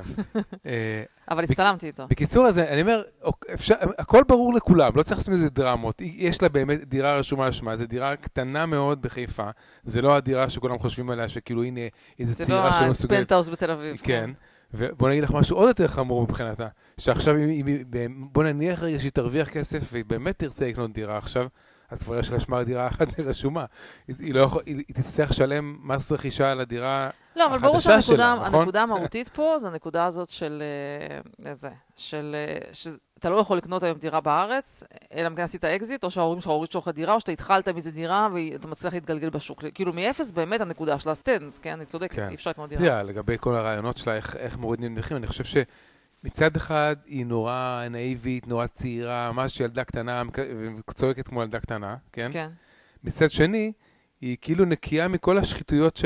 שכל הפוליטיקאים עשו ב-70 שנה האחרונות, כן? לא, אבל תשמע, צריך להגיד רגע שאני חושבת שהמצב בארץ באמת כאילו עגום, בגלל, אולי במובן חיובי שיש המון ילודה, אבל זה פשוט מעט שטח, מלא ילודה, עיר, מדינה כבר צפופה, להקים תשתיות חדשות זה יקר, כאילו, אין פה מה, אין פה נכון, מה לדעתי להגיד. מה שהיא אומרת זה שצריך פשוט לבנות, להגדיל את ההיצע, שזה הדבר היחידי שעובד. כן, ולא אבל- ההגרלות של כחלון קשה, וכאלה, כן, אבל נכון? מאוד קשה, כאילו, לדעתי, אה. הדבר, אם אתה שואל אותי מה מה ישראל צריכה לעשות, כאילו, קודם כל, אין לי, אני לא מבינה בזה כלום, לא יודעת, לבנות איזה עיל מלאכותי כנראה, פשוט צריכה להגדיל שטח, מה לעשות? צריכה להגדיל שטח מטורף, ולבנות שם משהו סופר טכנולוגי, סופר הייטק, כאילו, אין אין בסדר, משהו אחר. אין- לבנות עיר, לבנות עיר חדשה. כן, אבל. עיר חדשה איפה? אני אומרת לך, נראה לי, הם צריכים להקים אי אבל ב- עושים בים. את זה, הנה, בנו בנו את מודיעין, בנו את חריש. כן, אבל כאילו, אורי, עדיין, מאוד לא קטן. קשור לים, אין-. אין בעיה של ים ויבשה, זה לא הבעיה. אה, לא יודעת, נראה לי שזה זה- זה פשוט בעיה, לא יודעת, לא יודעת, אולי לעשות להתאחד. הבעיה זה לא מקום, הבעיה זה שתחבורה לא, ועבודה נכון, וכאלה נו, דברים, ברור, נכון? זה הכל שלו, זה, זה, זה, זה, ישראל, בעיה קשה. גם אמריקה, אני גם לא צופה פה קריסה של מחירי נדל"ן, כמה שאומרים, פשוט בגלל ההגירה המטורפת, כן? שני מיליון כל שנה, ולדעתי זה ימשיך, כאילו, כי גם צריך. זה יגדל, אבל יש מדינות מסוימות שבהן יכול להיות שיהיו שכונות רפאים, כי באמת אין ילודה. קיצור, רגע. לגבי הדר מוכתר, כן. אני חושב שהיא באמת, לא הייתי סומך עליה לנהל ועד בית, בגלל שהיא באמת פשוט ילדה קטנה, כן. אין לה מספיק ניסיון בחיים והכל, אבל לעשות רעש ובלאגן, יכול להיות שזה, וקצת אה, לנער את הקופסה, זה יכול להיות שזה מה שהפוליטיקה בישראל צריכה, אז אני דווקא... אה, ישראל לא צריכה שום אני- אה, תראי, אני לא חושב שהיא- אני לא חושב שהיא יכולה להזיק יותר מ-50% מחברי הכנסת. אני לא מספיק מכירה, לא מספיק ראיתי, אבל נראה לי קצת אה, צעירה מדי ותמימה מדי בשביל להועיל משהו, לעשות משהו מועיל, כן? כאילו, החשש פה זה פופוליזם. פה, ברור שצריך פה פתרונות שהם לא באזור הפופוליזם, כן? פשוט אשכרה שמישהו יעשה את העבודה. נכון, אבל... זה לא- כזה סוג של, אתה יודע, אוברדם, כזה שאשכרה יבוא מישהו כן. ויגיד, אני עכשיו פה עושה פרויקט לאומי, לא יודע, מרים משהו, אלוהים יודע מה. נכון, כן? אבל זה- אני חושב. שיש לה קצת פופוליזם, אבל מה שנקרא בישראל פופוליזם, כן? אבל לא ברמה לא, של... היא לא, ברור לא שלא. ברמה כן. של, אה, איך קוראים לה, אה, כן. אה, סתיו שפיר ושלי יחימוביץ', של בוא נחלק את הכסף לזה, או של ש"ס, בוא נחלק את הכסף לכולם, כן? זה פופוליזם הוא פרודוקטיבי, מה שהיא עושה. יכול להיות, אני לא מספיק מכירה אותה. גם אני לא, אני צריך עוד לעקוב סתם אחריה. משהו קטן שהיה רשום, שכחתי להגיד לך את זה, בטח ראית את הטוויטים האלה, זה קצת, זה גם מחבר לאיזה מסר יותר עקרוני. בעצם עשו מחקר, נדמה לי בדנמרק או משהו, כל הסיפור של השוואה של איזה שקיות סופר עדיף. ובעצם הטענה היא, ואני מקווה שאני לא טועה, תתפסו אותי במילה, אולי אני טועה, שאתה צריך 20 אלף uses ל-organic cotton bag כדי uh, to be equal to, to a plastic bag. כן, זאת אומרת, ה plastic bag החד פעמי, כי הם סופרים, את, הם סופרים את הנפיחות של הכבשים שמהם עשו את ה cotton. לא, אחרי זה היא עשתה סרט מאוד ארוך שהם הסבירו למה זה הגיוני, למה זה חושב ככה, אבל בגדול השוו כל מיני סוגים, שקית נייר, שקית זה, שקית הכל, כן. ואמרו שבסוף, כל הדבר הזה, אחרי כל המאמצים, אתה כאילו בשביל להשתוות לנזק של שקית, שקית, בשביל כאילו לעשות פחות נזק משקית נייר, משקית אה, פלסטיק חד פעמית, זה פשוט צריך כאילו לעשות אין סוף usage. אז תכף אני אחבר את זה לנקודה כללית, ועכשיו התווכחו את המלא, ואז היא אמרה, my meta point is definitely not that organic cotton bags is bad, are bad, כי היה לזה ויכוח של שבוע. היא אומרת, הנקודה היא שפשוט not a big deal, כאילו, כאילו זה לא באמת, כמו שעשו מזה פרופגנדה, ובפועל זה לא שווה כלום, כן? כאילו זה לא באמת עוזר. שנייה, עכשיו מה אני רוצה להגיד הנקודה כאילו היותר מהותית, אוקיי? נקודה יותר מהותית, שיש נטייה לחברות בירוקרטיות אה, לקבל החלטות, אוקיי? ואחרי זה להיתקע בהן לנצח. ולא, ויש קושי, בסדר? once קיבלת החלטה שלפעמים באותו רגע היא נראית טובה, ויכול להיות שבאותו רגע אתה טועה ואתה חושב שזו החלטה טובה, זה נראה לך אתה עושה משהו טוב. אבל אחרי זה אי אפשר לבטל את זה יותר. אחת הסיבות שאני נגד, עקרונית, כל מיני רעיונות של מדינה, כל מיני רגולציות וזה, כי הרבה פעמים אחרי זה מתברר שזה לא שווה כלום. הנה, אחרי כל הסיפור של, של עשו לנו שטיפת מוח אינסופית על השקיות בד האלה, והשקיות ניילון, בסוף הסתבר שלא שווה כלום, ועשו תוספות מחיר, ויש עמותות שלמות שמתפרנסות על השקיות האלה, כן? בסוף, אה, בסוף מתברר שזה לא, זה לא שווה. בגלל זה אני מעדיפה פחות רגולציה מאשר יותר, וזה במלא דברים. זה כל השטויות האלה עם החיסונים, שעכשיו הם תקועים בזה ולא יודעים חלק, כן צריכים לבדוק שתיים, חלק צריכים לבדוק שלוש, ואחרי זה לא מסוגלים כבר לבטל את זה, כי אין מספיק כוח פוליטי למישהו לבוא ולהיות מסוגל לבטל את זה. וזה כאילו באינסוף דברים, כל הסיפור הזה עם זה שצריך להוריד נעליים בשדה תעופה. הרי אתה יודע, כבר מזמן זה קשקוש, כולם יודעים שזה לא, לא רלוונטי. אבל בגלל שאף אחד לא מסוגל לבוא ולקבל את ההחלטה שהוא מבטל את זה. וכל, אני בטוחה גם שמבחינת הנזק לכלכלה העולמית מזה שמורידים את הנעליים, כאילו הזמן שזה מוסיף לטיסות ולזה, כאילו זה, זה לא שווה את זה, אבל... שרק באמריקה מורידים נעליים. לא משנה, אבל מה, כן. למה? כי כל ההחלטות האלה בסוף אף פעם לא מבטלים אותן. כן, מבין מה כן. הנקודה שלי? טוב, מה יש לך. עוד לדבר? לא, זהו, אין? יותר. מה? רגע, אבל בוא נגיד משהו... האמת היא שאין לי שיר... טוב, אנחנו נעשה את הצ'מפיונס לסיום גם. לא יודע, ג'ני, אה, טוב. סיימנו את כל הפודקאסט, אז קודם כל מזל טוב שיהיה לך. כן, לך גם. אני תכף אה, הולכת להופעת ג'אז באוקלנד. אני צריך להסיע. אותך לאיזה... תקפיץ אותי לפלו אלטו, כן. טוב. אה, כן, אה, להתראות למאזינים. אה, לא יודעת מתי ניפגש שוב. אבל יכול להיות שמדי פעם נעשה איזה ספיישל, לא יודעת. לא יודע, אני... מתישהו... אני חושב, ש- אני אגיד לך מה, אני חושב שאנחנו צריכים פורמט שהוא יותר מסודר מבחינת כאילו קצב, לא, של- פורמט. כאילו, צריך להיות כן. שזה איזה פורמט. כן. ואולי צריך גם, אתה יודע, שזה ביוטיוב, ואז גם אפשר להסתכל על טוויטים ולראות אותם, נכון. ומצד שני, אם זה ביוטיוב, אז אני לא- אין הרבה, יש אנשים שמעדיפים לשמוע ול- ולא לראות. בדרך לא כלל. נהוג פשוט שאתה שם את זה בכמה, אה, פשוט בכמה פלטפורמות. זה הרבה יותר עבודה, זה הבעיה. כן, זה צריך לראות.